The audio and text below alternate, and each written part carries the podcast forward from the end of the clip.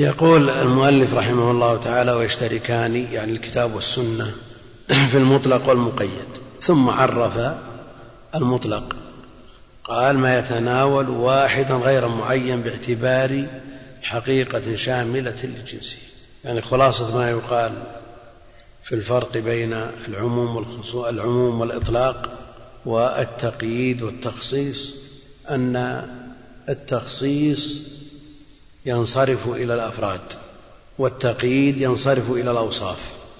المطلق ما يتناول واحدا غير معين باعتبار حقيقة شاملة لجنسه حيوان طائر كتاب طالب. هذا مطلق. والمقيد ما يتناول معينا كزيد يعني معين باسمه أو موصوفا. يقتضي تمييزه عن غيره. فإذا قلت حيوان هذا مطلق لكن لو قلت حيوان ناطق هذا مقيد. لوجود الوصف الزائد على الحقيقة على حقيقة جنسه. وإذا قلت طائر أبيض خرج ما عداه ممن لم يوصف بالبياض. وإذا قلت كتاب فقه مثلا أو كتاب حديث نعم قيدت. وإذا قلت طالب مثلا طالب طالب مصري مثلا أو طالب مغربي هذا تقييد. لأنه وصف بوصف زائد على حقيقته على حقيقة جنسه. أحيانا تقرأ في كلام أهل العلم سيما بعض الشراح ولا تخرج بنتيجة. لأن هناك تداخل في البابين. واضطراب في تمييز النوعين. يوجد ولا ما يوجد؟ إيه لأن الحكم يتأخ يتغير. الحكم يتغير إذا لم نميز. فمثلا حديث جعلت لي الأرض مسجدا وطهورا. جعلت لي الأرض نحط فوق الأرض خطوط لأن هي المقصودة من النص. جعلت لي الأرض مسجدا وطهورا. إحنا نقصد الآن اللفظ الأرض. هل هو عام ولا مطلق؟ وجعلت تربتها لنا طهورا. هل هو خاص ولا مقيد؟ إذا قلنا أن الأرض ذات أفراد والتربة فرد من أفرادها بمعنى أن الأرض تشتمل على أجزاء منها التراب ومنها الرمل ومنها الصخر ومنها غير ذلك من مما يوجد على وجهها. وإذا قلنا أن الأرض جنس واحد ذات أوصاف وليست ذات أفراد قلنا إنها من باب الإطلاق والتقييد. ما الذي يترتب على هذا؟ إذا قلنا من باب العموم والخصوص. الأرض ذات أفراد من أفرادها التراب. قلنا بحمل العام على الخاص. لماذا؟ نعم. نخصص. أيوة عام وخاص. خصص بالتراب. وإذا قالوا هذا عام وخاص. وذكر الخاص بحكم موافق لحكم العام يقتضي التخصيص ولا ما يقتضي؟ لا يقتضي التخصيص. لا نقول إذا ذكر إذا ذكر الخاص بحكم موافق لحكم العام لا يقتضي التخصيص. إنما ذكر الخاص من باب العناية به والاهتمام بشأنه. يكون أولى من غيره لكن لا يقتضي التخصيص. وإذا قلنا أن الأرض ذات أوصاف ومن أوصافها التراب قلنا مطلق ومقيد وحينئذ نحمل المطلق على المقيد. وإذا بحثنا في مذاهب الأئمة وجدنا الإمام أحمد الشافعي جعلوه من الإطلاق والتقييد ولذا لا يجيزون التيمم بغير التراب. وغيرهم جعلوه من باب العموم والخصوص فأجازوا التيمم بجميع ما تصاعد على وجه الأرض. لا هم ينظرون إلى إن كان ذو أفراد. التخصيص تقليل الأفراد والتقييد تقليل الأوصاف. ها؟ في إحنا ما نقرر مسألة فقهية يا أخي. لا نقرر مسألة فقهية ولذلك لا تجد ترجيح في هذه المسائل. لا المسألة مسألة تصور ولو على وجه لهذا العلم. وما هو انتهينا ما هو باخذ الكتاب بيشرح. إن شاء الله تعالى. أنا أقول لو قرأت في كتب الأصول وحتى في شروح النصوص التفاسير شروح الأحاديث تجد في هذا اضطراب كثير. تجد فيه اضطراب كثير. والأثر المترتب ترى ليس بالسهل. ليس الأمر بالسهل وتحريره يحتاج إلى إلى درس كامل أو ما يكفيه بعد. ليس الأمر بالسهل لأن ترتب على كونه فرد من أفراد العام حكم مستقل. مالكية والحنابلة والحنفية جعلوا من هذا الباب وجعلوا التيمم بجميع ما تصاعد على وجه الأرض. لأنه مثل هذا لا يقتضي التخصيص. وإذا قلنا إطلاق وتقييد قلنا لا يحمل المطلق على على المقيد للاتفاق في الحكم على ما سيأتي. فلا يتيمم بغير التراب. وش صار تخصيص ولا تقييد؟ انتهينا من العام والخاص بدينا المطلق والمقيد. يعني ما بينهم فرق لا هو في شيء من الالتقاء في شيء من التداخل وفي شيء من التباين. لكن التباين الذي يمكن تحريره أما التداخل فهو كبير.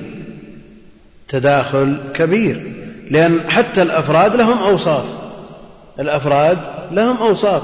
فهناك تداخل من هذه الحيثية. هناك تباين باعتبار أن الجهة تنفك إذا لاحظنا الأفراد بينما إذا لاحظنا الأوصاف آه، شيء آخر. الله نكمل. يقول المؤلف رحمه الله تعالى وإذا ورد مطلق ومقيد واختلف حكمهما لم يحمل أحدهما على الآخر وإن لم يختلف حمل. يعني عكس التخصيص. هناك إذا اختلف الحكم حمل العام على الخاص. وإذا اتحد الحكم لم يحمل العام على الخاص. وهنا اختلف الحكم لم يحمل وإن لم يختلف حمل. على كل حال مثل ما ذكرنا في علوم القرآن أن المطلق والمقيد لهما أربع صور. أن يتفقا في الحكم والسبب. هذه صورة فيحمل المطلق على المقيد. اتفاقا. ومثلنا بالرقبة بإيش؟ بالدم. بالدم. جاء مطلقا. حرمت عليكم الميتة والدم. وجاء مقيدا بالمسفوح.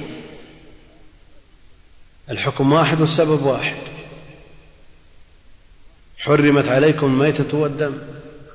قل لا أجد فيما أوحي إلي محرما على طاعم يطعمه إلا أن يكون ميتة أو دما مسفوحا وحينئذ يحمل المطلق على المقيد بالاتفاق.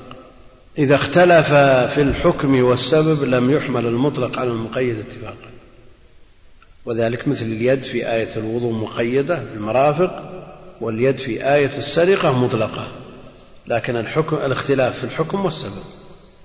فلا يحمل المطلق على المقيد فلا يقطع السارق إلى المرفق. أما إذا اتحدا في الحكم واختلفا في السبب كالرقبة في كفارة القتل والرقبة في كفارة الظهار الحكم واحد وهو وجوب الاعتاق. والسبب مختلف هذا قتل وهذا ظهار. وحينئذ يحمل المطلق على المقيد عند الجمهور خلافا للحنفية والعكس إذا اختلف في الحكم واتحد في السبب مثل اليد في آية الوضوء واليد في آية التيمم. السبب واحد وهو الحدث والحكم مختلف هذا غسل وهذا إيش؟ تيمم مسح بالتراب. فلا يحمل المطلق على المقيد عند عند الجمهور. وعند الشافعية حملوا الإزار والإسبال. جاء مطلقا. ما أسفل من الكعبين فهو في النار. ولا ينظر الله إلى أو من جر ثوبه خيلا في إيش؟ لا ينظر الله إليه. إيش؟ ولا يكلمه. إيش؟ ولهم عذاب عظيم.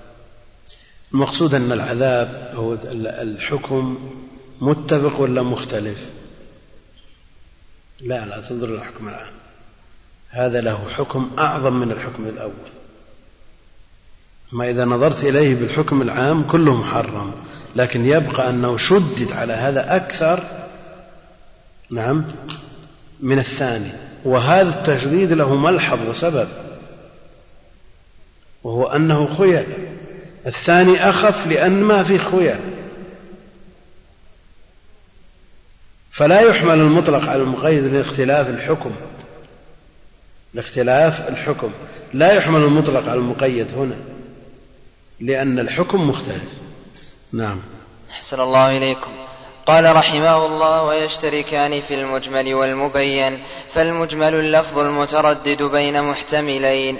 بين محتملين فصاعدا على السواء وهو إما في المفرد كما في القرء أو في المركب ولا إجمال في إضافة التحريم إلى الأعيان والمبين يقابل المجمل ويجوز كون البيان بأضعف ولا يجوز تأخيره عن وقت الحاجة.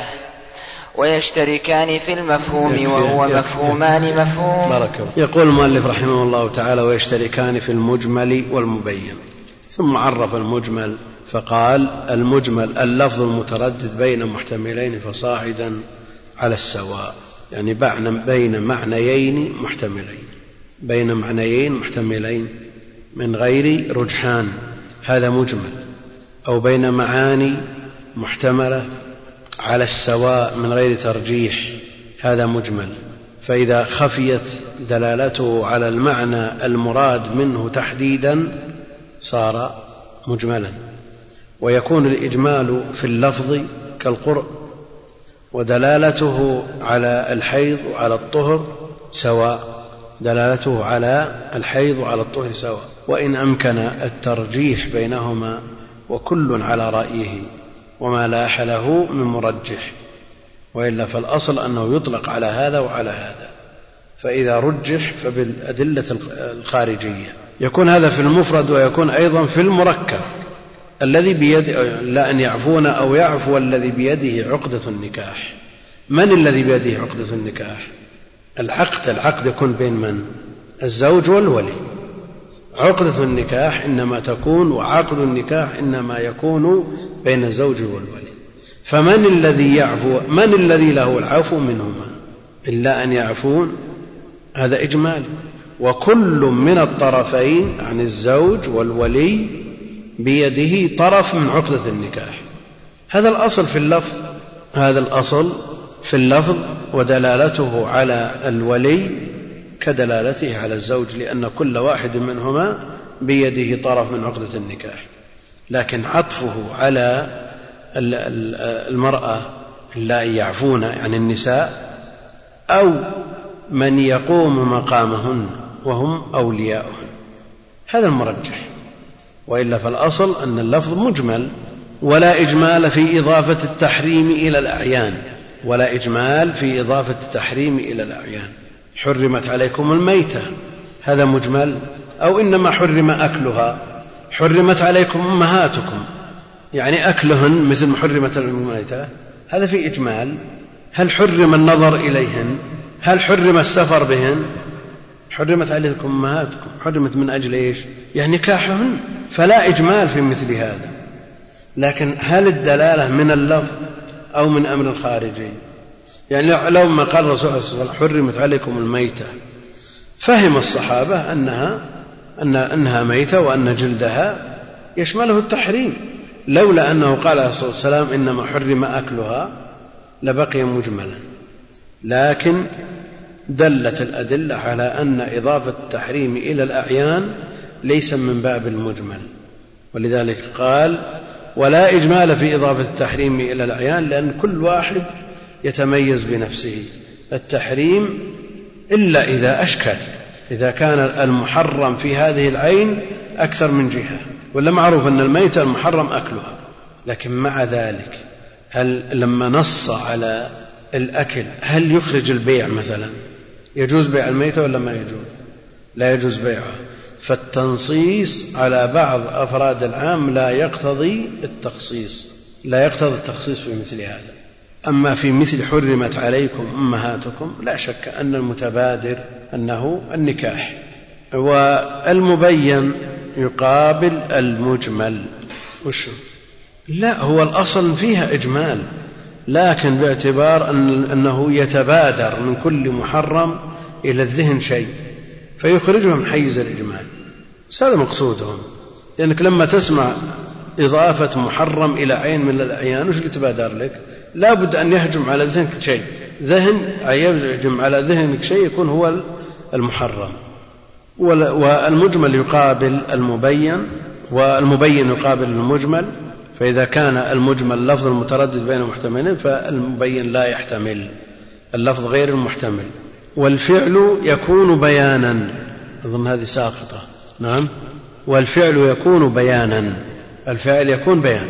فالنبي عليه الصلاة والسلام بين ما أجمل في القرآن من الأمر بالصلاة وبالحج وبالصوم بين ذلك كله بفعله عليه الصلاة والسلام فالفعل يكون بيانا.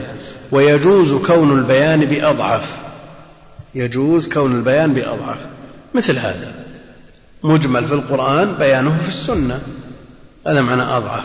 ولا يجوز تأخيره عن وقت الحاجة لأن وظيفة الرسول عليه الصلاة والسلام البيان. فإذا جاءت الحاجة ومست الحاجة إلى البيان ولم يبين هل بلغ ما ما أوحي إليه؟ فلا يجوز تأخيره عن وقت الحاجة. لكن يجوز إلى وقت الحاجة. يجوز إلى وقت الحاجة. بقيت نصوص مجملة مدة إلى أن احتاج الناس إليها. فبينها النبي عليه الصلاة والسلام. بينها النبي عليه الصلاة والسلام. فمثلا على القول بأن الحج فرض سنة ست والنبي عليه الصلاة والسلام ما بين الحج إلا بفعله سنة سنة عشر. تأخر البيان يجوز تأخيره لكن هل يجوز تأخيره عن وقت الحاجة؟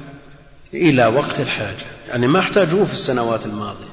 افترض أن الحج أن الحج فرض سنة تسع كما هو المرجح. ما بينه النبي عليه الصلاة والسلام فورا وقت نزوله وإنما أخر البيان بفعله عليه الصلاة والسلام. كيف؟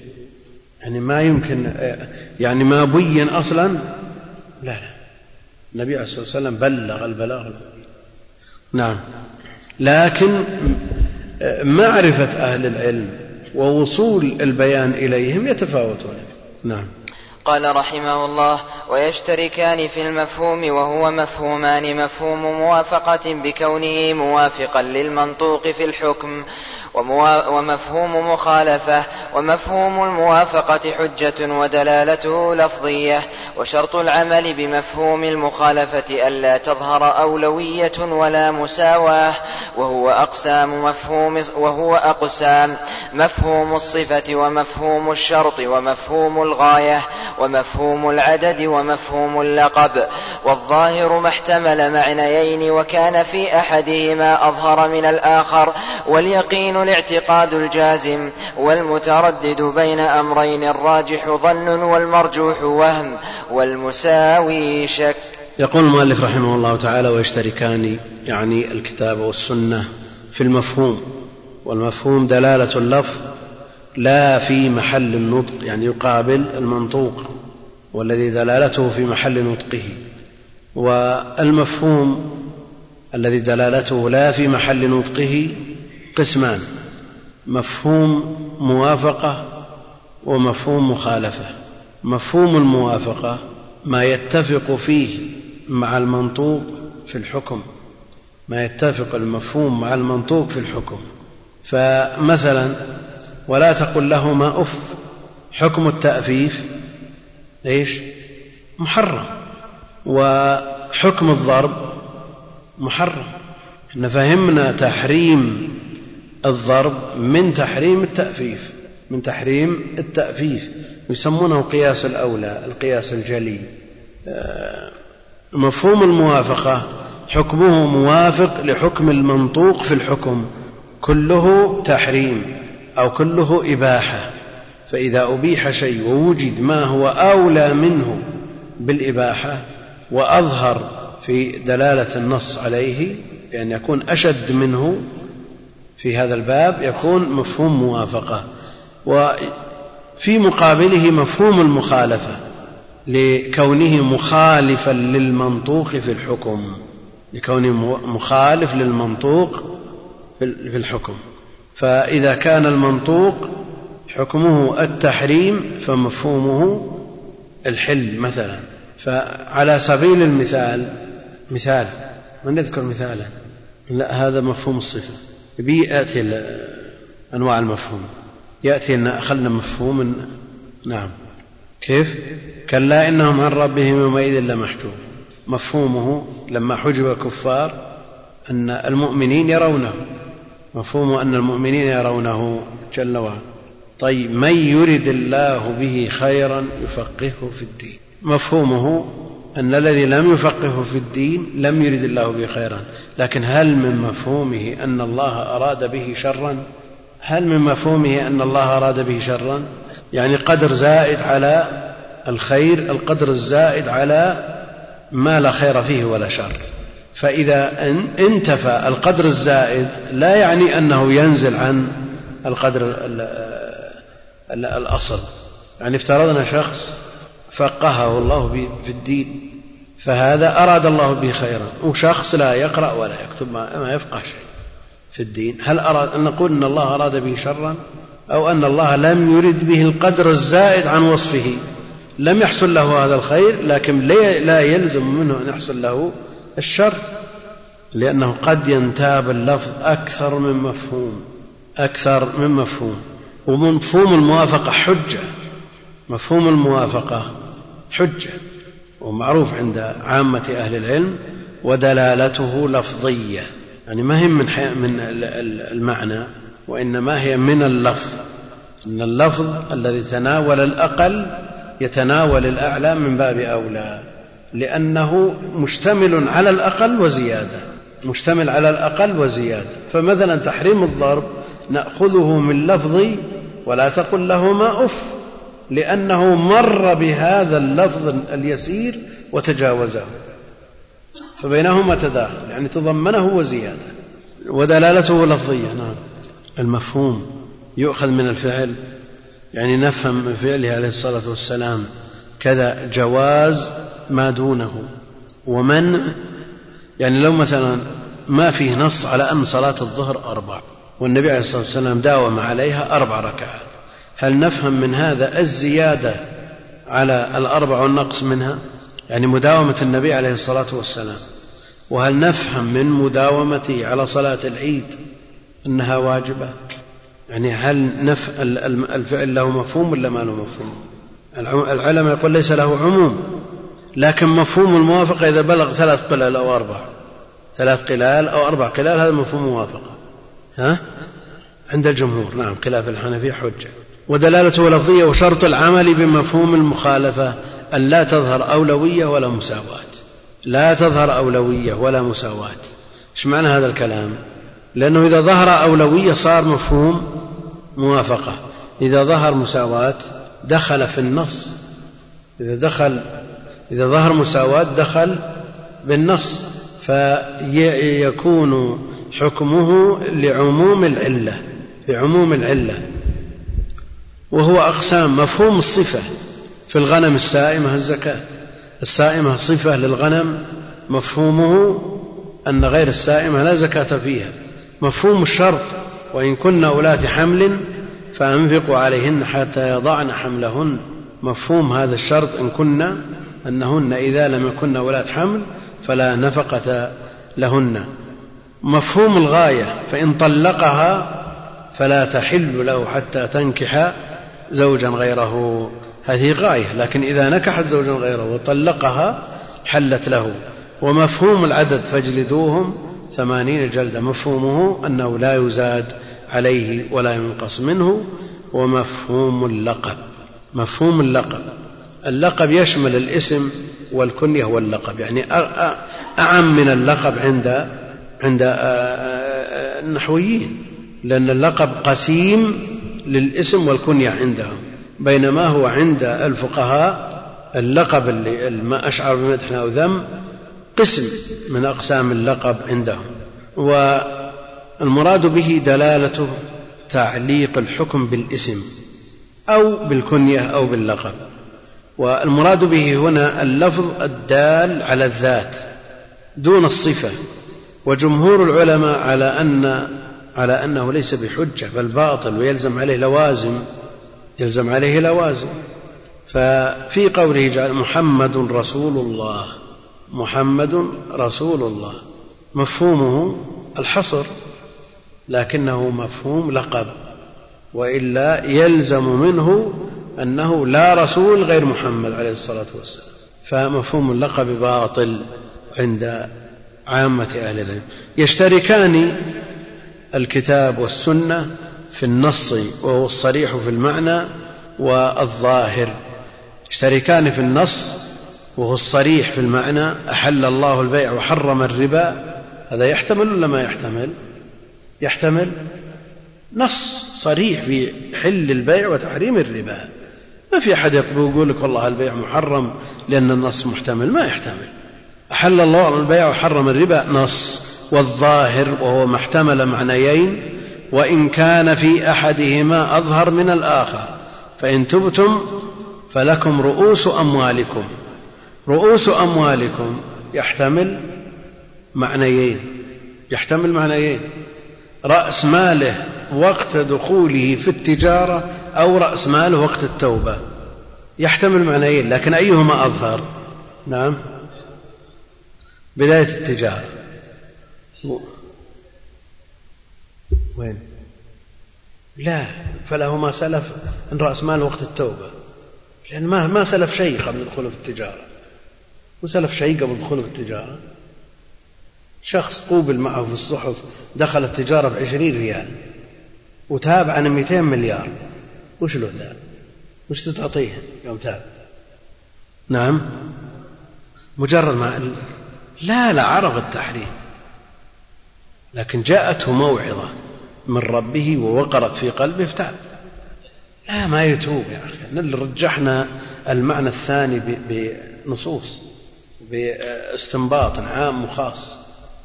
وأخص ما قلنا قلنا أن الله جل وعلا كما يقول شيخ الإسلام في غير هذه المسألة يقولها دائما من المحال في العقل والدين أن الله جل وعلا يأمر بالتوبة ويحث عليها ويفرح بها.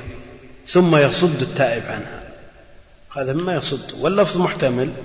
والله جل وعلا أرحم من أن يقال له تكفف الناس بعد أن كنت تحسن على الناس.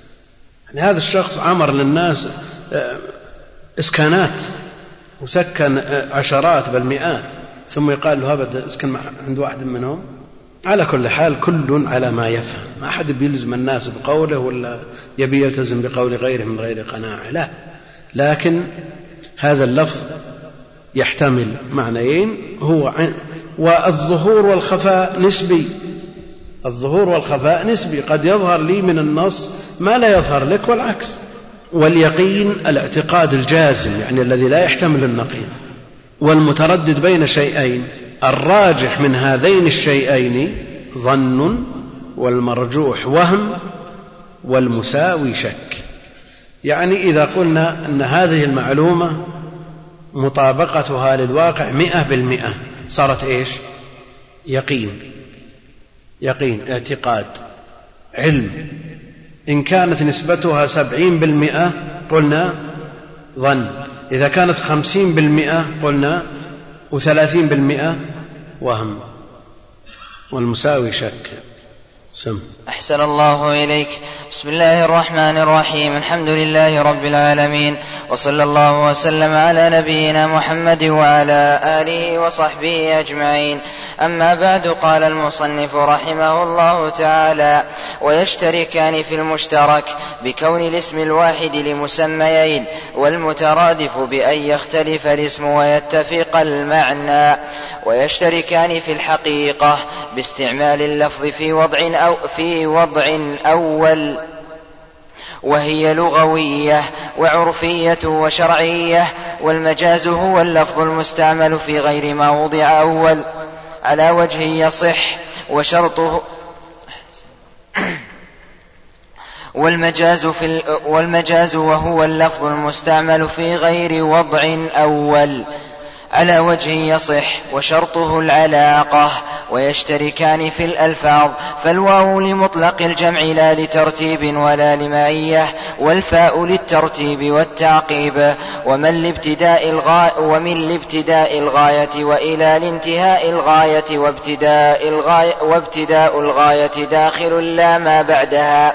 وعلى للاستعلاء وفي للظرف واللام, للمل واللام للملك واللام للملك والاستحقاق وحتى لانتهاء الغاية ويشتركان في التواتر وهو خبر جماعة يمتنع تواطؤهم على الكذب.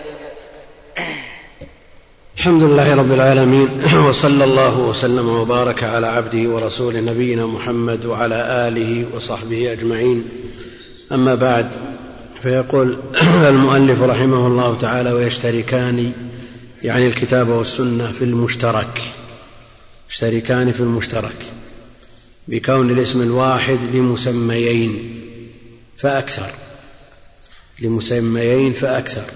كالعين مثلا تطلق ويراد بها الباصرة تطلق ويراد بها الجارية تطلق ويراد بها الذهب. هذا يسمونه مشترك. القرء يطلق ويراد به الطهر يطلق ويراد به الحيث المولى يطلق ويراد به المعتق يطلق ويراد به المعتق. ويشتركان أيضا في المترادف يعني يختلف الاسم ويتفق المعنى. ويتفق المعنى كالقعود والجلوس على أن من أهل العلم من ينفي الترادف من كل وجه بمعنى أن تكون الكلمة مطابقة تماما من كل وجه لكلمة أخرى. وإذا نظرنا إلى القعود والجلوس يقول أهل اللغة مترادفان. وقيل القعود من قيام والجلوس من الاضطجاع فيوجدون فروقا. وهناك ألفاظ يجزم الناس بأنها مترادفة. ثم يوجد أهل اللغة بينها فروق دقيقة لا تخطر على البال. والفروق اللغوية لأبي هلال العسكري أبدى من هذا الشيء العجب. ويشتركان في الحقيقة باستعمال اللفظ في وضع أول وهي لغوية وعرفية وشرعية. استعمال اللفظ فيما وضع له في الوضع الأول له. قبل أن ينتقل إلى غيره هذا حقيقة. وبقاء الاستعمال لللفظ على ما وضع له هو الحقيقة عندهم والحقائق ثلاث حقيقة لغوية وحقيقة عرفية وحقيقة شرعية. فمثلا الإناء الإناء حقيقته الوعاء لغة وعرفا وشرعا. هذا مما تشترك فيه الحقائق الثلاث. يعني لو قيل عرف الإناء تبي تجيب تعريف لغوي وتعريف شرعي ما في. تعريف عرفي تعارف الناس على غيره. اللهم إلا بشيء من التجوز من التوسع. إذا قيل فلان من أوعية العلم يعني استعماله في المعاني. ولا مجاز. هل ظن أن هذا تقرير المجاز؟ إنما يحمل على أنه عرف خاص اصطلاح خاص فيكون من الحقائق العرفية الحقيقة اللغوية مثلا إذا جئنا إلى الصلاة قالوا الصلاة في اللغة الدعاء. الصلاة في اللغة الدعاء. هذه حقيقتها اللغوية. حقيقتها العرفية. حقيقتها العرفية إيش؟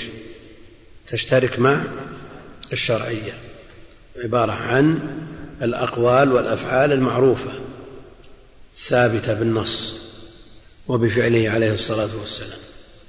تتفق فيها الحقيقة العرفية والشرعية. إذا جئنا إلى المفلس حقيقته اللغوية مع العرفية متطابقة لكن له حقيقة شرعية توافق اللغوية والعرفية وحقيقة شرعية تخالف اللغوية والعرفية. فحقيقته الموافقة من لا درهم له ولا متاع. بهذا أجاب الصحابة وهو حقيقة. من وجد ماله عند رجل قد أفلس. حقيقة شرعية.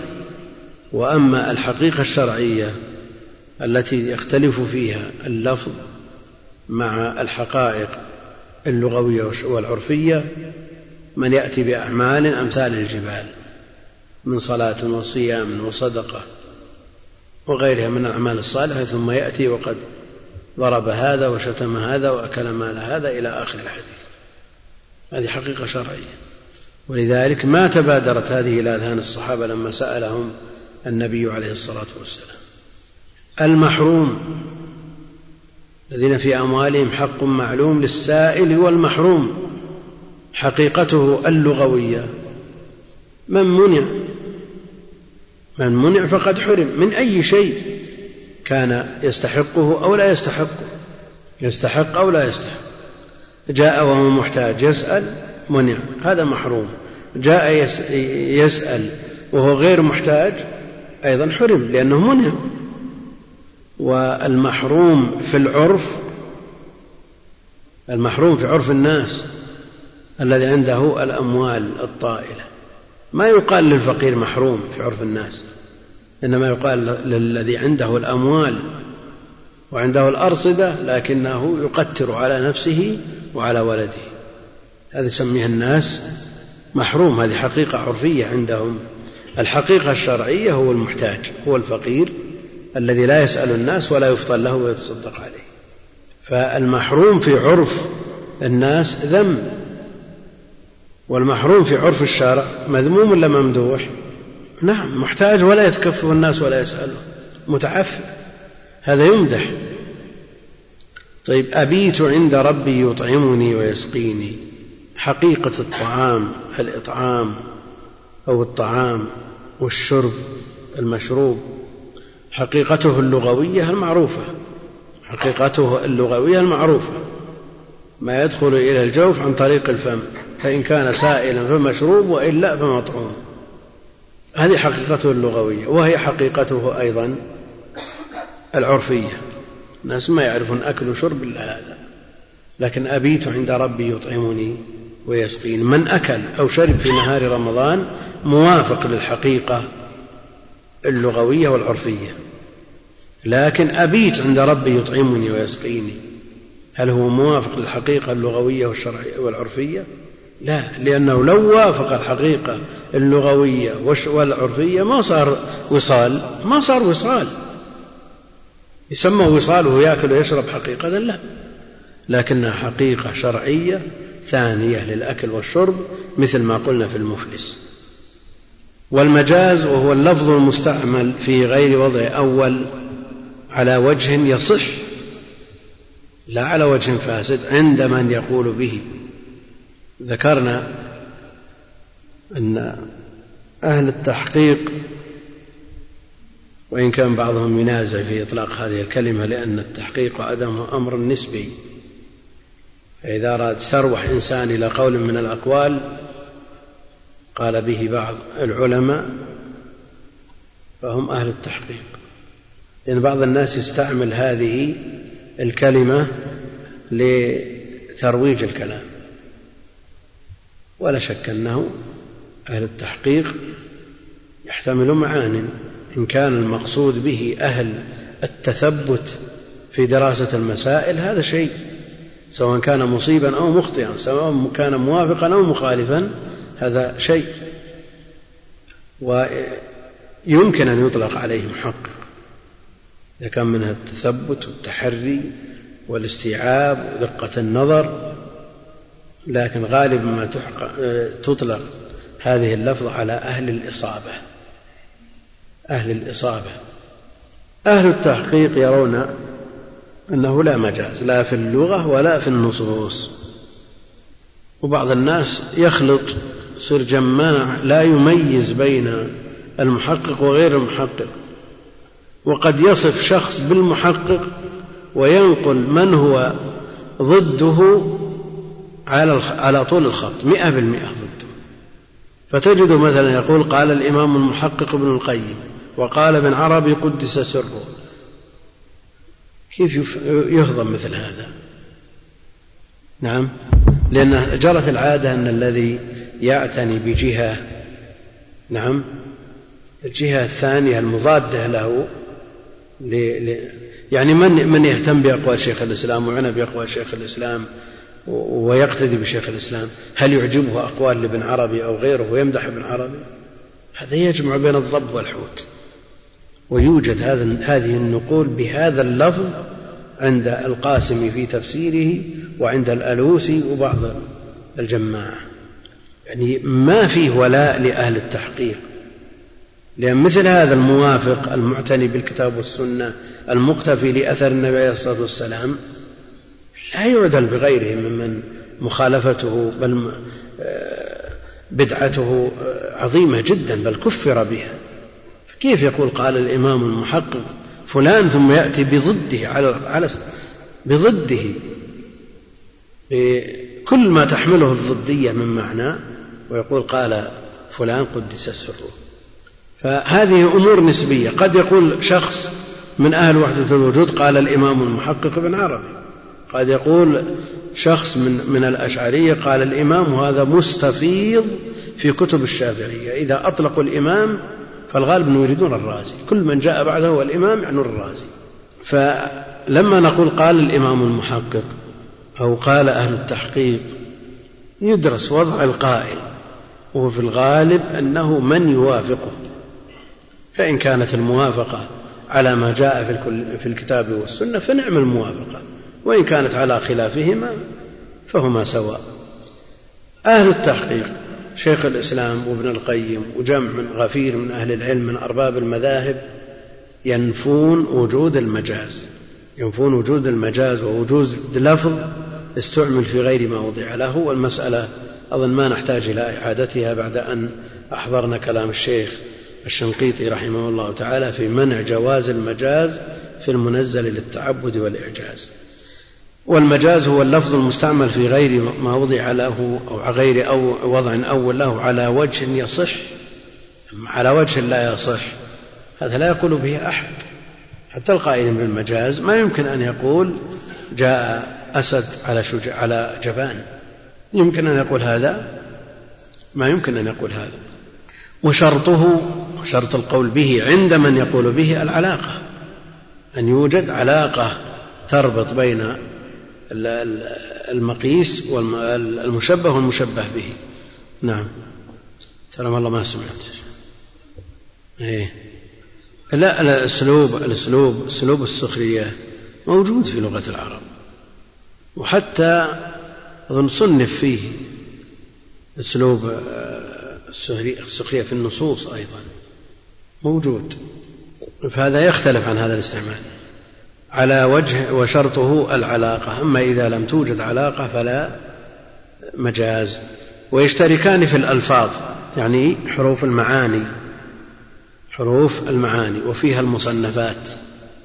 ومغني اللبيب من أفضل ما يبحث فيه في هذه المعاني. وأيضا العوامل للجرجاني العوامل للجرجاني.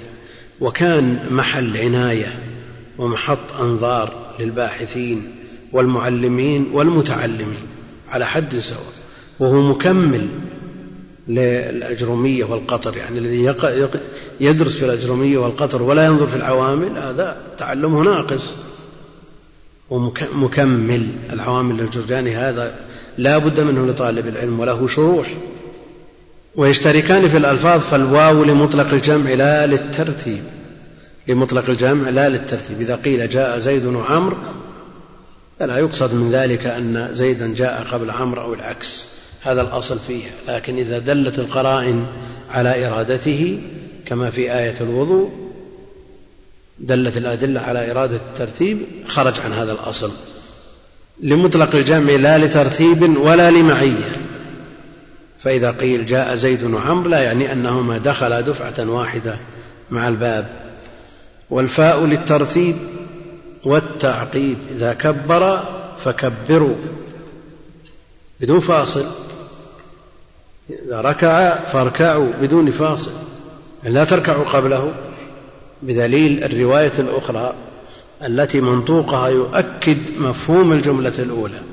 إذا كبر فكبروا ولا تكبروا حتى يكبر. إذا ركع فاركعوا ولا تركعوا حتى يركع. في السنن. فمنطوقها مؤيد لمفهوم الجملة الأولى والفاء تقتضي الترتيب والتعقيب بها يستدل على أن المأموم لا يقول سمع الله لمن حمده. فمنطوقها مؤيد لمفهوم الجملة الأولى والفاء تقتضي الترتيب والتعقيب بها يستدل على أن المأموم لا يقول سمع الله لمن حمده. لأنه في الحديث وإذا قال الإمام سمع الله لمن حمده فقولوا ربنا ولك الحمد. لأنه لو قال المأموم سمع الله لمن حمده ما وقع التعقيب. وجد الفاصل والمسألة خلاف الخلاف فيها معروف. والشافعي يقول يجمع بينهما الإمام والمأموم لأن الرسول القدوة كان يجمع بينهما لكن كان يجمع بينهما باعتباره إماما فالإمام يجمع بينهما. والفاء للترتيب والتعقيب وهي بكل شيء في كل شيء بحسبه ومن الابتداء الغاية تقول سافر من الرياض إلى مكة. فالرياض ابتداء الغاية بدء, بدء السفر من الرياض وغايته مكة. وهنا وإلى لانتهاء الغاية. تأتي من لابتداء الغاية كما مثلنا وتأتي للتبعيض وتأتي للتبيين تأتي تبعيضية وتأتي بيانية. وقد تأتي للتبعيض وفيها شوق التبيين والعكس. حتى أن الشراح يضطربون. من من يقول تبعيضية ومنهم من يقول بيانية وفيها شوب من الأمرين. خاتم من حديد. خاتم من حديد. فالخاتم بعض الحديد وهو أيضا من جنسه فهي بيانية. اجتنبوا الرجس من الأوثان. هذه إيش؟ بيانية. وإلى الانتهاء الغاية وإلى الانتهاء الغاية. مثل ما قلنا سافر من الرياض إلى مكة. غايته مكة. وابتداء الغاية داخل يعني الرياض داخل. الرياض داخل لكن باعتباره منطقة ولا مدينة. لو سافر مثلا من القويعية وقال سافرت من الرياض إلى مكة كلامه حقيقة ولا ما هو حقيقة باعتبار المنطقة. لو قال جئت من القصيم جئت من القصيم ما يحتمل لأن ما في بلد بهذا الاسم فهو جاي من المنطقة لكن إذا جاء من الرياض. أو قال جئت من تونس أو من الكويت اللي يطلق على الأعم القطر الأعم وعلى الأخص. مثل هذا دخوله وإن كان ابتداء على حسب السياق على حسب ما يدل عليه السياق. وابتداء الغاية داخل لا ما بعدها ما بعد الغاية الانتهاء. فلا يدخل إلا إذا دل دليل على إرادته. إلى الكعبين إلى المرفقين دلت الأدلة على أن الكعبين والمرفقين داخلان وعلى للاستعلاء. رقيت على السطح يعني علوت عليه. وفي للظرف في للظرف. نحن في المسجد والماء في الإناء. وفي للظرف واللام للملك. المال لزيد. الملك لله. المقصود أنها للملك وتأتي لشبهه لشبه الملك. الجل للفرس والقفل للباب والباب للدار. هذا شبه ملك. وثم للترتيب. ثم للترتيب. عندكم ثم؟ نعم. شو؟ اللام الملك والاستحقاق. معي شو في زيادة عندك؟ واللام الملك والاستحقاق وثم للترتيب. يقول وثم للترتيب. يعني ثم للترتيب مع التراخي. هذا موجود هذا. موجود هذا. شيء؟ ثم للترتيب هذا مكانه في الأصل. وإلا فالأصل أن تكون بعد الفاء. بعد الفاء لأن الفاء تشترك مع الواو وتشترك من جهة مع ثم.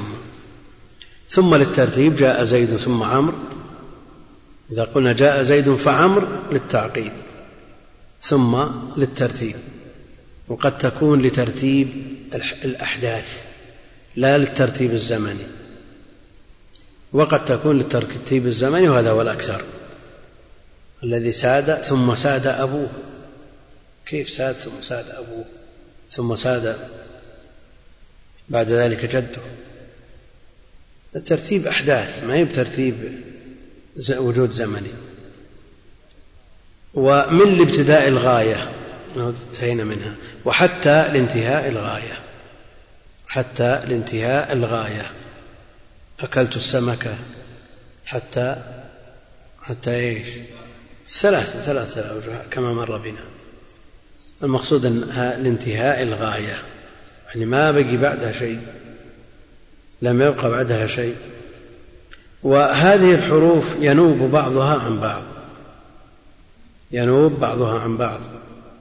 وليست هذه حروف المعاني فقط هناك حروف كثيرة لكن مثل هذا المتن يكفي مثل هذا القدر الذي يكثر استعماله.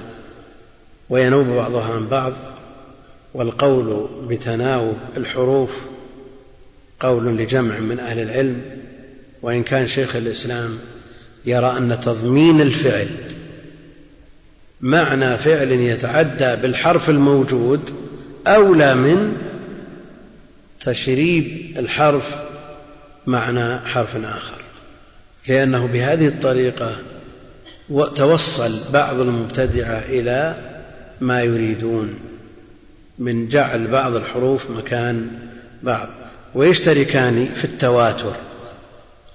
حتى لانتهاء الغاية. يعني الشيخ الإسلام يرى لو قلنا في تقارض الحروف بعضها ينوب عن بعض قلنا أن شيخ الإسلام رحمه الله يميل إلى أن تضمين الفعل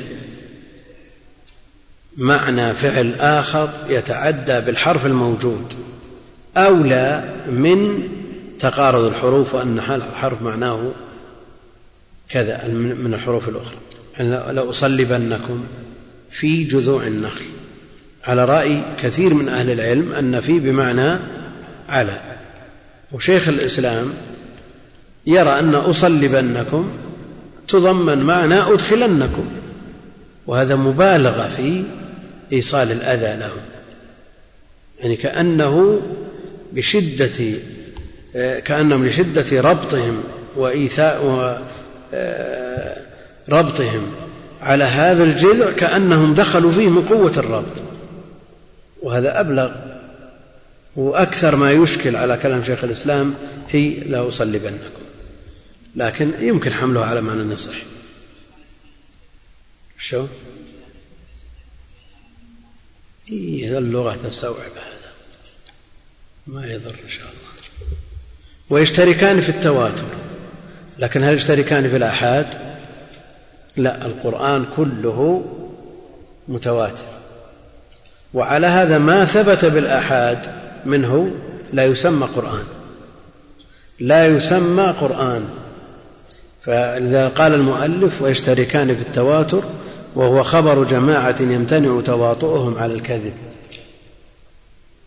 القرآن كله قطعي كله متواتر والسنة فيها المتواتر والآحاد على ما سيأتي. ويختص نعم. قال رحمه الله ويخص الكتاب بأحكام وهو ما نقل بين دفتي المصحف متواترا وهو معجز في لفظه ومعناه, ومعناه ونظمه. وهل في بعض وهل في بعض آية إعجاز فيه وجهان؟ وما لم يتواتر وما, وما لم يتواتر ليس بقرآن والبسملة آية منه وبعض آية في النمل والقر والقراءات السبع متواترة وما صح من الشاذ ولم يتواتر لا تصح به الصلاة. وهو حجة وفي القرآن المحكم وفي القرآن المحكم والمتشابه وليس فيه ما لا معنى له ولا يجوز تفسيره برأي واجتهاد ولا بمقتضى اللغة. نعم يقول المؤلف رحمه الله تعالى لما أنهى الكلام عن القدر المشترك من مباحث الكتاب والسنة أخذ يبين ما يختص به الكتاب ثم ما يختص به السنة نظير ما يصنعه من يجمع بين كتب السنة فيبدأ بالمتفق عليه ثم أفراد البخاري ثم أفراد مسلم وهذا تنظير. يقول اختص الكتاب بأحكام لا توجد في مباحث السنة والكتاب عرفه بأنه ما نقل بين دفتي المصحف متواترا. ما نقل بين دفتي المصحف يعني ما اتفق عليه يعني القرآن ما اتفق عليه الصحابة في زمن عثمان وأثبت في المصاحف التي أرسلها عثمان رضي الله تعالى عنه إلى الأمصار متواترا وهو معجز في لفظه ومعناه ونظمه. معجز في لفظه وهو في أعلى درجات الفصاحة والبلاغة. ولإعجازه تحدى الله جل وعلا به العرب وهم أفصح الناس على أن يأتوا بمثله وعلى أن يأتوا بعشر سور وعلى أن يأتوا بسورة وعرفنا في درس علوم القرآن أن الله جل وعلا لم يتحداهم أن يأتوا بآية لأن الآية حصلت بكلمة والعرب لا تعجز أن تأتي بالكلمة. حصلت بكلمتين من أقل الكلمات في عدد الحروف ثم نظر مثلا أو متهامتان. العربي لا يعجز أن يقول ثم نظر فلا إعجاز في مثل هذا. لكن ذكرنا في مناسبة سابقة أن ثم نظر في موضعها بين الآية السابقة والآية اللاحقة لا يمكن أن يقوم مقامها شيء. فهي معجزة بما قبلها وما بعدها. أما بمفردها لا يعجز العربي أن يقول ثم نظر. ولذا لم يقع التحدي بآية قرآن. حصل التحدي بمثله. حديث قرآن يعني هذا كله؟ الله نزل أحسن الحديث. لا بآية ما حصل التحدي بآية. لكن لو قدر أن هناك آية أكثر من أطول من أقل السور حصل التحدي به نعم. آية الدين ما هو أقصر من آية الدين. آية الكرسي لو اجتمع الإنس والجن كلهم بما أوتوا من من ما استطاعوا أن يأتوا بمثلها وهو معجز في لفظه ألفاظ في غاية الفصاحة والبلاغة ومعناه أيضا. وهناك كتب اهتمت بإعجاز القرآن وبينته ووضحته. واعتنت بالمباحث اللغوية فيه وعقد مقارنة في هذا في هذه من هذه الناحية بين تفسير الطبري وبين تفسير الزمخشري في بيان إعجاز القرآن وبيان القرآن وبلاغة القرآن. عقد مقارنة. فأيهما أفضل في بيان ما يتعلق بالقرآن من هذه النواحي؟ أكيد عموم الناس بيقولون إيش؟ الزمخشري بيقولون الزمخشري عموم الناس من غير دراسة. لكن الدراسة أثبتت أن الطبري يفوق الزمخشري بمراحل في هذه المباحث. لكن باعتبار أن تفسير الطبري هذه أمور يسيرة بالنسبة لما يسوقه من آثار ومن أسانيد ومن متون ومن أقوال في غير هذا الباب. لكن الزمخشري هذا صناعته. فلما جردت هذه المباحث في تفسير الطبري وجدت أقوى وأكثر مما بحثه الزمخشري. معجز في لفظه ومعناه ونظمه. وهل في آية في بعض آية إعجاز فيه وجه. في بعض آية نقول لم يحصل التحدي بآية لكن إذا كانت الآية بقدر أقصر السور نعم بقدر سورة الكوثر حصل فيها الإعجاز. وما لم يتواتر ليس بقرآن. وما لم يتواتر ليس بقرآن ولو صح سند ولو وافق الرسم ولو كان له وجه في اللغة وهذا خلاف ما يراه ابن الجزري. خلاف ما يراه ابن الجزري. فإذا توافرت صحة السند ووافق اللغة ووافق الرسم قرآن عنده. عنده قرآن وعند الجمهور أن القرآن المتواتر فقط. فإذا لم يتواتر ولو وافق الرسم ووافق اللغة وصح سنده ليس بقرآن. والبسملة آية منه. آية منه وليست من الفاتحة. أظن هذا مو عندكم. عنده. والبسملة آية منه وبعض آية في النمل وليست من الفاتحة. هذا في المتن. نعم. نقل هذا.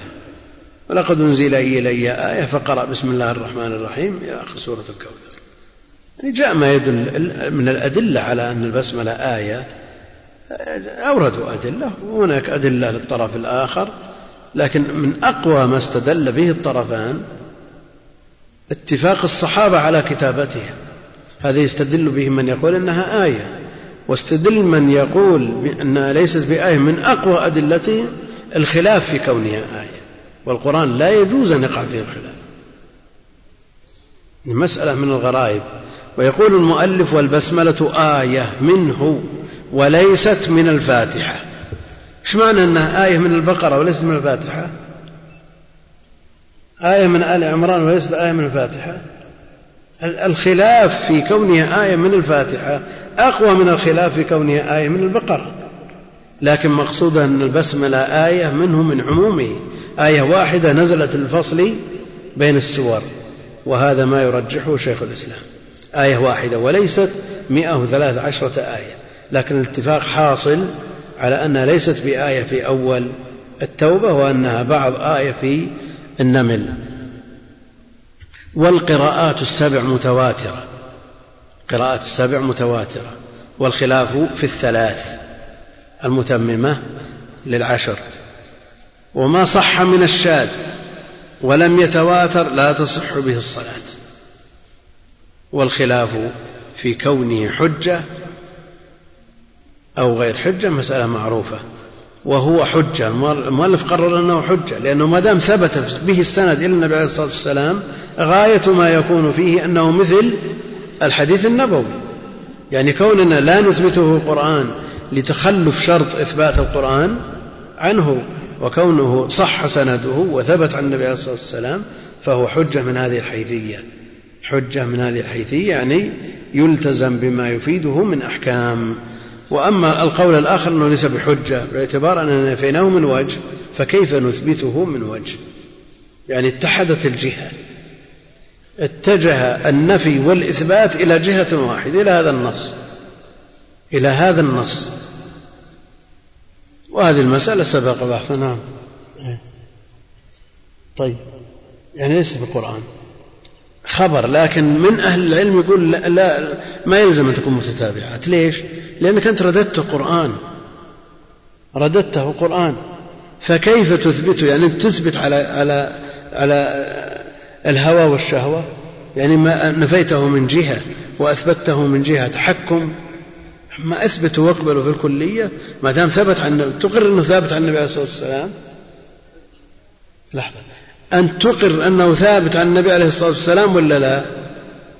لا الصحابي يرفع النبي لو كان صحابي ما قلنا أنه ملزما إلا على القول بأن قول الصحابي حجة. فإن كنت تثبت عن النبي عليه الصلاة والسلام فاقرأ به. إذا كنت ما تثبت ليش تحتاج واجب هذه حجة من ينفيه.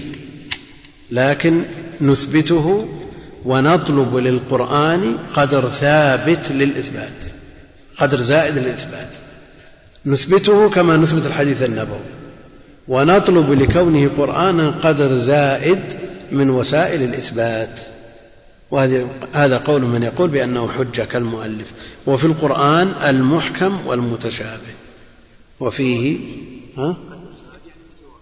التواتر. نشترط التواتر وقدر زائد على مجرد الثبوت. لا.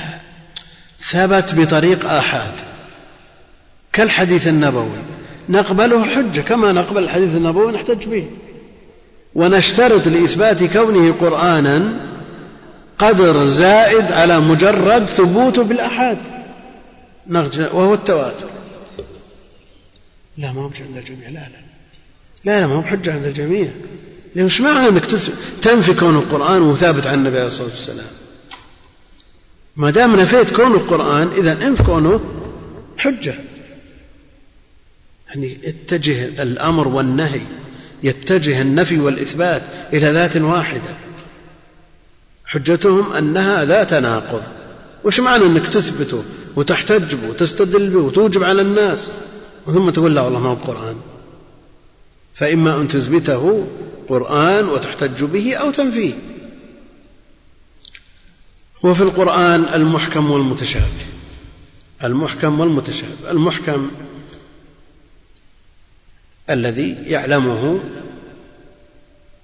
العلماء ويدركونه والمتشابه الذي لا يعلمه إلا الله جل وعلا. على قول أو يعلمه الراسخون في العلم المتشابه. وليست نصوص الصفات من المتشابه. لأنها معلومة ولها معاني. وليست كالألغاز. لا تفهم لا. هي معلومة واضحة ولها معاني في العربية لكن كيفياتها لا نعرفها فليست من المتشابه. وما نسب إلى الإمام مالك لا يثبت ولا يصح وفيه وليس فيه ما لا معنى له أبدا. يعني يوجد لفظ لا معنى له مثل ديز مثلا عكس زيد. مش معناه ديز لا معنى له. إذن القرآن ليس فيه لفظ لا معنى له. لماذا؟ لأنه أنزل للعمل أنزل للتدبر أنزل للفهم. فلا يوجد فيه مثل هذا لكن قد يوجد فيه ما يعسر فهمه على كثير من الناس. يوجد والإحكام والتشابه أمور نسبية أمور نسبية. مثلا أوساط طلاب العلم لو تسأله عن عسعس مثلا ماذا يقول؟ كثير من طلاب العلم ما يدري. تسأله عن صنوان ما يعرف. تسأل عن بعض الغريب في القرآن عنده أنه ما يدري شو متشابه. لكن بأدنى مراجعة يرتفع هذا التشابه عنه. هناك ما يخفى على العلماء. لكن ما يخفى على من هو أعلم منهم. وهناك من ما يخفى على الأعلم لكن ما يخفى على الراسخ وهناك ما لا يعلمه إلا الله جل وعلا. وله معنى في حقيقة الأمر. لو بحثت عنه في لغة العرب لوجدت له معنى لكن قد لا يكون هو المعنى المراد منه في هذا الموضع. وليس فيه ما لا معنى له وفيه ما لا يفهم ما لا يفهم معناه إلا الله. يعني له معنى لكن لا يفهم معناه إلا الله جل وعلا وهو الذي قال فيه من آيات محكمات نعم وأخر متشابهات. إيش؟ لا قبل قابل قبل هن محكمات. هن أم الكتاب. وأخر أيوة. طيب. وما يعلم تأويله إلا الله. وعاد الوقف هل هو على لفظ الجلالة أو على الراسخين؟ محل خلاف بين القراء؟ يقول ولا يجوز تفسيره برأي واجتهاد. وجاء التحذير الشديد من النبي عليه الصلاة والسلام في من قال بالقرآن برأيه. من قال بالقرآن برأيه. لماذا؟ لأنه يجزم على أن هذا الذي قاله هو مراد الله جل وعلا من كلامه. وهذا كذب على الله جل وعلا. ما لم يكن هناك دليل يدل عليه. دليل يدل عليه. فالتفسير بالرأي حرام. واجتهاد أن يجتهد ويبحث لا عن طريق الكتب التي جمعت ما جاء عن الله وعن رسوله في بيان آه، معاني القرآن من موضع إلى آخر. ولا قد يجتهد مثلا ويفسر هذه الآية بآية أخرى. وخير ما يفسر به القرآن القرآن. وإذا اجتهد وفسر آية بحديث اجتهد في إثباته ثم طبقه على هذه الآية ما يكون هذا اجتهاد مجرد. المقصود بالاجتهاد المذموم الممنوع هنا الاجتهاد المجرد. أما الاجتهاد المبني على النصوص فلا. ولذا يختلف شخص لا علاقة له بالقرآن. لا علاقة بالقرآن ما عرف القرآن ولا يقرأ القرآن إلا في أيام الطفولة. ونشأ في تخصص بعيد عن العلم الشرعي ولم يكن عنده من التدين ما يحمله على النظر في القرآن ثم بعد ذلك يأتي يناقش في القرآن باجتهاد مجرد وقد يكون الدافع إليه والله أعلم بالمقاصد إفساد الدين على أهله وتشويش أديان الناس. عليهم. ثم بعد ذلك يقول هم رجال ونحن رجال. ويأتي آخر له عناية بالقرآن ومن أهل القرآن وديدنه النظر في التفاسير. ثم بعد ذلك يعرض عليه آية في مجلس فيقول هذا أنا رأيي كذا وهذا يقول أنا رأيي كذا. ولو لم يحفظ نص في هذه الآية الذي له عناية بالتفسير ولو عناية بالقرآن يقبل قوله ولو لم يعتمد على نص. لأنه مو اجتهاده مجرد إنما اجتهاده من خلال ملكة تولدت وتحصلت عنده لطول النظر في القرآن وما يعين على فهم القرآن. فالممنوع الاجتهاد المجرد أما الاجتهاد الذي يأوي إلى نص أو كلام لأهل العلم الموثوقين فلا يذم ولا بمقتضى اللغة.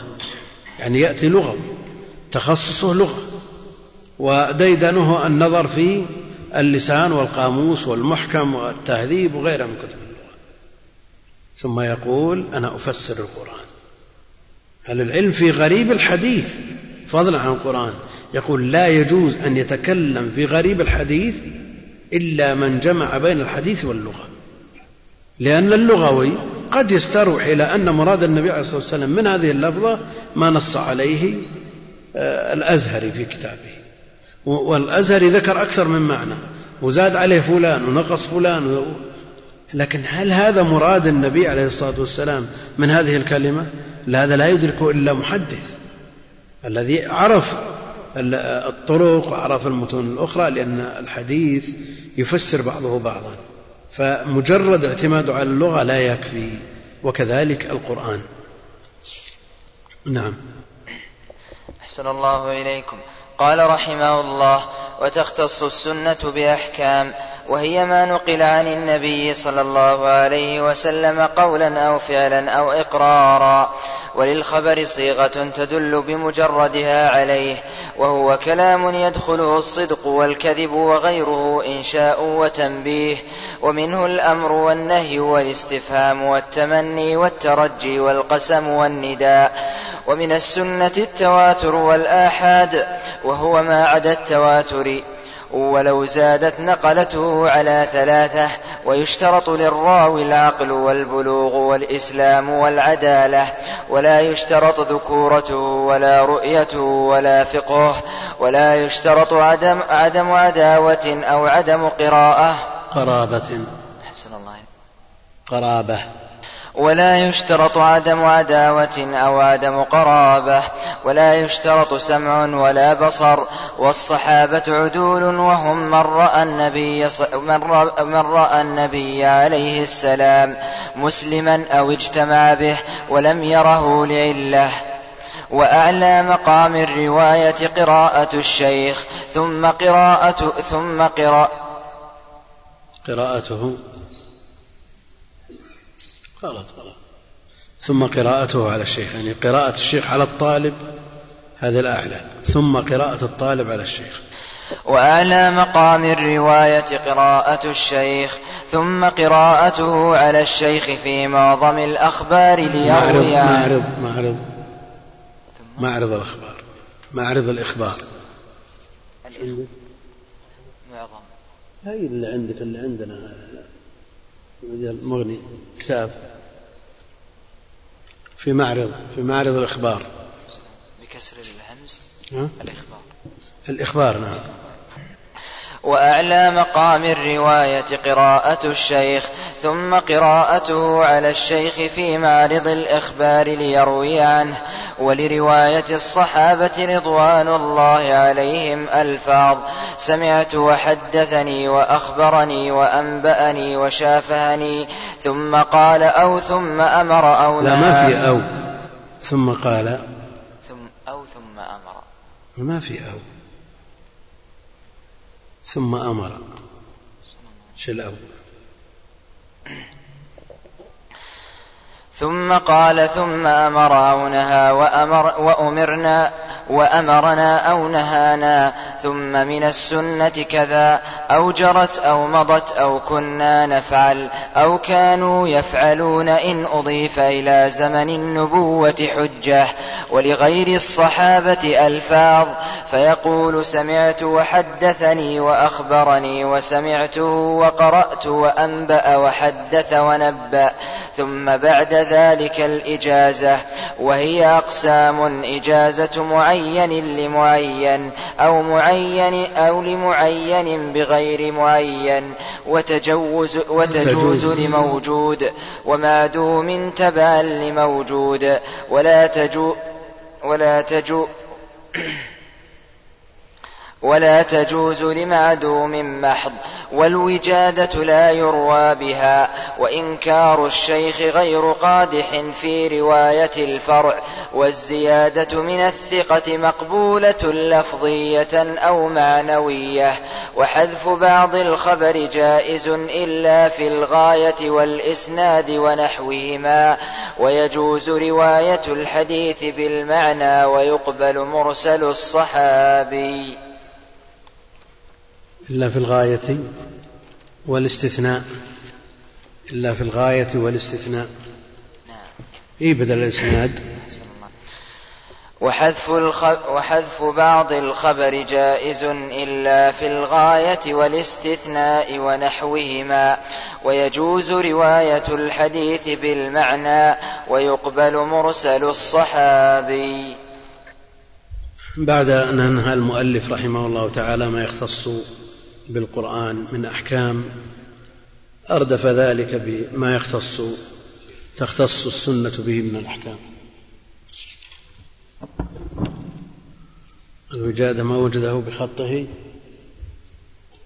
ما, جد ما وجده بخطه. موجود.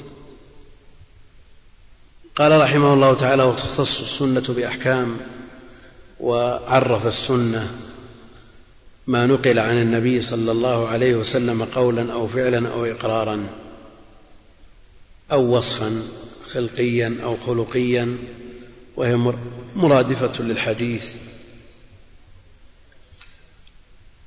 ما أضيف إلى النبي عليه الصلاة والسلام هو السنة وهو الحديث والخبر صيغة تدل بمجردها عليه. يعني ما خلا مما يدل على الإنشاء هو خبر. خلا مما يدل على الطلب أو الاستفهام خبر. وهو كلام يدخله الصدق والكذب. يعني الكلام الخبر كلام يحتمل الصدق والكذب لذاته. بغض النظر عن الكلام الخبر الذي لا يحتمل الصدق والخبر الذي لا يحتمل الكذب. لكن إذا قلنا لذاته عممنا. فكلام الله جل وعلا وأخباره وأخبار النبي عليه الصلاة والسلام لا تحتمل الكذب. وأخبار مسيلمة لا تحتمل الصدق. وغيره من الكذابين الأفاكين. فإذا قيل لذاته فالمراد مدلول الخبر في الأصل. وغيره يعني غير الخبر إنشاء لأن الكلام ينقسم إلى خبر وإنشاء وتنبيه. ومنه يعني التنبيه الأمر والنهي والاستفهام والتمني والترجي والقسم والنداء. منه الأمر افعل. ولتفعل والنهي لا تفعل. والاستفهام هل أينقص الرطب إذا جف والتمني ليتنا رأينا إخواننا فقالوا ألسنا بإخوانك؟ قال أنتم أصحابي. ثم ذكرهم. هذا تمني. تمنى النبي عليه الصلاة والسلام أن يقتل في سبيل الله. ثم يحيى ثم يقتل ثم يحيى ثم يقتل. والترجي لعل والقسم والذي نفسي بيده. والنداء يا فلان يا عائش ويا أبا هريرة ويا أبا هر هذا كله نداء. لكن هل هذه مما تختص به السنة؟ أو أن الذي جر عليه تعريف الحديث وأن العلماء يطلقون عليه حديث ويطلقون عليه الخبر. يطلقون عليه الحديث ويطلقون عليه الخبر. فلما كان الأمر كذلك تعرض للأخبار. ومن السنة المتواتر والآحاد أو التواتر والآحاد التواتر ما عدا الآحاد ما عدا التواتر. والتواتر سبق فيما يختص بالكتاب. قال أو قبل ذلك قبله. نعم. نعم وهو خبر جماعة تحيل العادة تواطؤهم يعني أن يرويه جماعة يستحيل في العادة في العرف والعادة أن يتواطؤوا على الكذب. ويكون طبقات إسناده كذلك إلى آخره وأن يسند إلى شيء محسوس لا إلى أمر عقلي. من السنة المتواتر أو التواتر والآحاد والآحاد ما عدا المتواتر ما اختل فيه شرط من شروط التواتر. شرط التواتر أن يخبر به عدد. يخبر به عدد. يستحيل في العادة أن يتواطؤوا على الكذب. يعني لو نشر خبر في وسيلة إعلام صار الناس كلهم يتحدثون عن الخبر ونقلوه. يفيد التواتر ولا ما يفيد؟ نعم. هذا العدد الذي حمله وأشاعه يفيد التواتر أن هذا المصدر قاله. لكن هل يفيد التواتر ويفيد ما يفيده التواتر من العلم على أن هذا الخبر قطعي. يفيد العلم؟ لا لأنه صدر عن مصدر واحد وقد يكون إشاعة قد يكون إشاعة. والأخبار التي تشاع ولو كثر ناقلوها كما يقول ابن حجر لا تفيد التواتر. عمر بن الخطاب رضي الله عنه لما بلغه جاره الأنصاري أنه حدث أمر عظيم في المدينة. فدخل عمر رضي الله عنه دخل المسجد وجد الناس حول المنبر أعداد هائلة. فبلغه أن النبي عليه الصلاة والسلام طلق نساءه. ثم استأذن عن النبي فلم يؤذن له استأذن ثانية وثالثة أذن له. فعرف أن النبي عليه الصلاة والسلام لم يطلق نساءه وإنما آلى يعني حلف مدة شهر ألا يقرب نساءه. الناس عموما سمعوا أنه اعتزل نساءه وجلس في المشربة فذهب إلى أو هجم على ذهن بعضهم أن النبي عليه الصلاة والسلام طلق نساءه فأشاع والناس يقبلون الإشاعات لكن ما سمعوه من النبي عليه الصلاة والسلام أو سمعوه ممن تقوم الحجة بقوله. فمثل هذا لا يفيد العلم لا يفيد العلم. ينقله عدد تحيل العادة تواطؤهم ويستمر في جميع طبقات السند كذلك. لو اختل هذا الشرط في أي طبقة من طبقات الإسناد ما أفاد العلم. وأن يكون مستنده من الحس لا العقل. يعني لا يكون من المسائل العقلية الكلامية. مثل هذه لا توصف بالتواتر. وأيضا من أهل العلم من يضيف إلى هذه الشروط كونه يفيد العلم كونه يفيد العلم مع أنه ينازع في هذا الشرط لأن لأنه متى يفيد العلم؟ إذا بلغ حد التواتر. فكوننا لا نعرف التواتر إلا بإفادته العلم هذا يلزم عليه دور يلزم عليه الدور. يعني لا نعرف التواتر إلا بالعلم. ولا نستفيد العلم إلا بالتواتر يلزم عليه الدور. السفاريني في شرح لوامع الأنوار في شرحه يقول وإفادة العلم عنده لا به إفادة العلم عنده لا به وهذه الكلمة دخلت عليه مما تأثر بها من رأي الأشاعرة عنده لا به. لكن كيف نتخلص من هذا الدور؟ يقول الأخبار واستقرارها في النفوس وتأثيرها في النفوس تنمو شيئا فشيئا مثل نمو الطفل ونمو النبات في بادئ الأمر لا تفيد. ثم بعد ذلك يستقر في النفس أن هذا العبد مفيد للتواتر. تنمو نمو النبات ونمو الطفل. الآن لو أنت عطشان وجاب لك واحد لترين قلت لا يا أخي هذا كثير علي. كيف عرفت أنه كثير؟ لأن كثير نتيجة. نعم تقدمها وسيلة. نعم تجارب سابقة. أو جابك شيء نسيب والله هذا ما يكفي. فمثل هذه الأمور تفيد وتقع من النفس الموقع لأنها نمت شيئا فشيئا. يلزم عليه الدور لأنك كيف عرفت أنه متواتر؟ بإفادته العلم. ما عرفت أنه متواتر لأنك جزمت وأنه لا يحتمل النقيض تستطيع تحلف عليه. نعم لكن متى أفادك العلم؟ ببلوغ التواتر.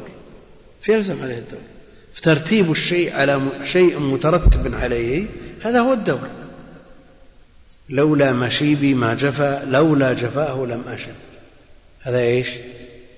دور. أيهم السبب؟ السبب أيهم؟ ها؟ كل واحد سبب في الثاني. لكن يلزم عليه الدور الدور ممنوع. يقول وما عدا التواتر ولو زادت نقلته على ثلاثة. عند بعضهم أن العدد أولا التواتر لا يشترط له عدد معين بل إذا وصل الخبر العدد إلى ما يلزم النفس بقبوله قلنا إنه وصل العدد حد التواتر. منهم من قال أن التواتر أربعة ومنهم من قال عشرة ومنهم من قال أربعين ومنهم من قال سبعين. وهؤلاء لا دليل لهم ولا مستند وإنما اعتمدوا على قضايا حصل بها العلم بهذه الأعداد فطردوها. ويشترط للراوي العقل فالمجنون تصح روايته ولا ما تصح؟